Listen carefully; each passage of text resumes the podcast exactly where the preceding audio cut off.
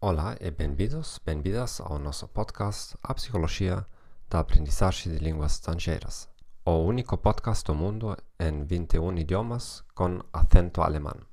Chamo-me Gerhard Orband, sou psicólogo, autor de livros e professor de língua alemã.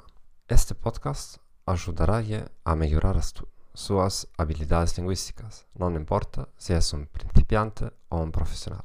Não sou um experto em galego, por suposto, já o entendi. Tenha paciência comigo, pero prometo que me irá melhor com cada novo episódio. Se descobriste este podcast agora mesmo, comproba primeiro os últimos episódios. A qualidade será muito melhor que nos primeiros.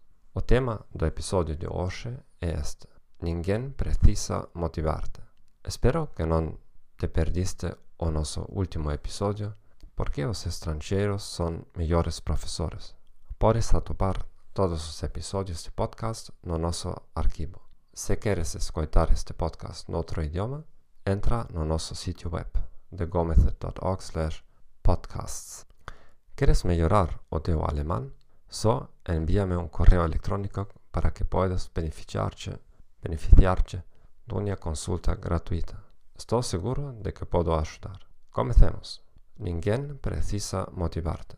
Crees que o trabalho do teu professor fazer que queiras aprender para fazer-te amar a língua. Ofendirei a muitos de vocês, pero a minha posição é categoricamente não.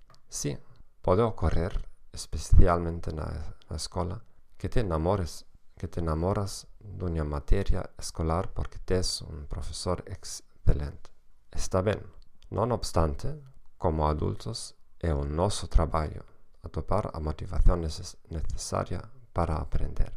O problema de moitos de nós é que agardamos durante toda a vida por algo ou alguén que nos faga facer certas coisas. Neste sentido, seguimos sendo como escolares que aguardam para ser castigados ou ser gabados. As pessoas que podem atopar a sua motivação dentro de si têm geralmente mais êxito. Estão mais dispostas a adoptar uma perspectiva de tempo mais longa. Reaccionam mais positivamente quando se enfrentam a grandes retos ou problemas. Por isso, intenta desenvolver a motivação intrínseca. Como podes conectar o idioma que estás aprendendo a algo que já amas? Graças por ter escutado o nosso podcast A Psicologia da Aprendizagem de Línguas Estrangeiras. Espero que esta información vos servise de ajuda. Apúntate a nossa canle en Apple Podcast, Spotify, Stitcher ou a tua aplicación favorita.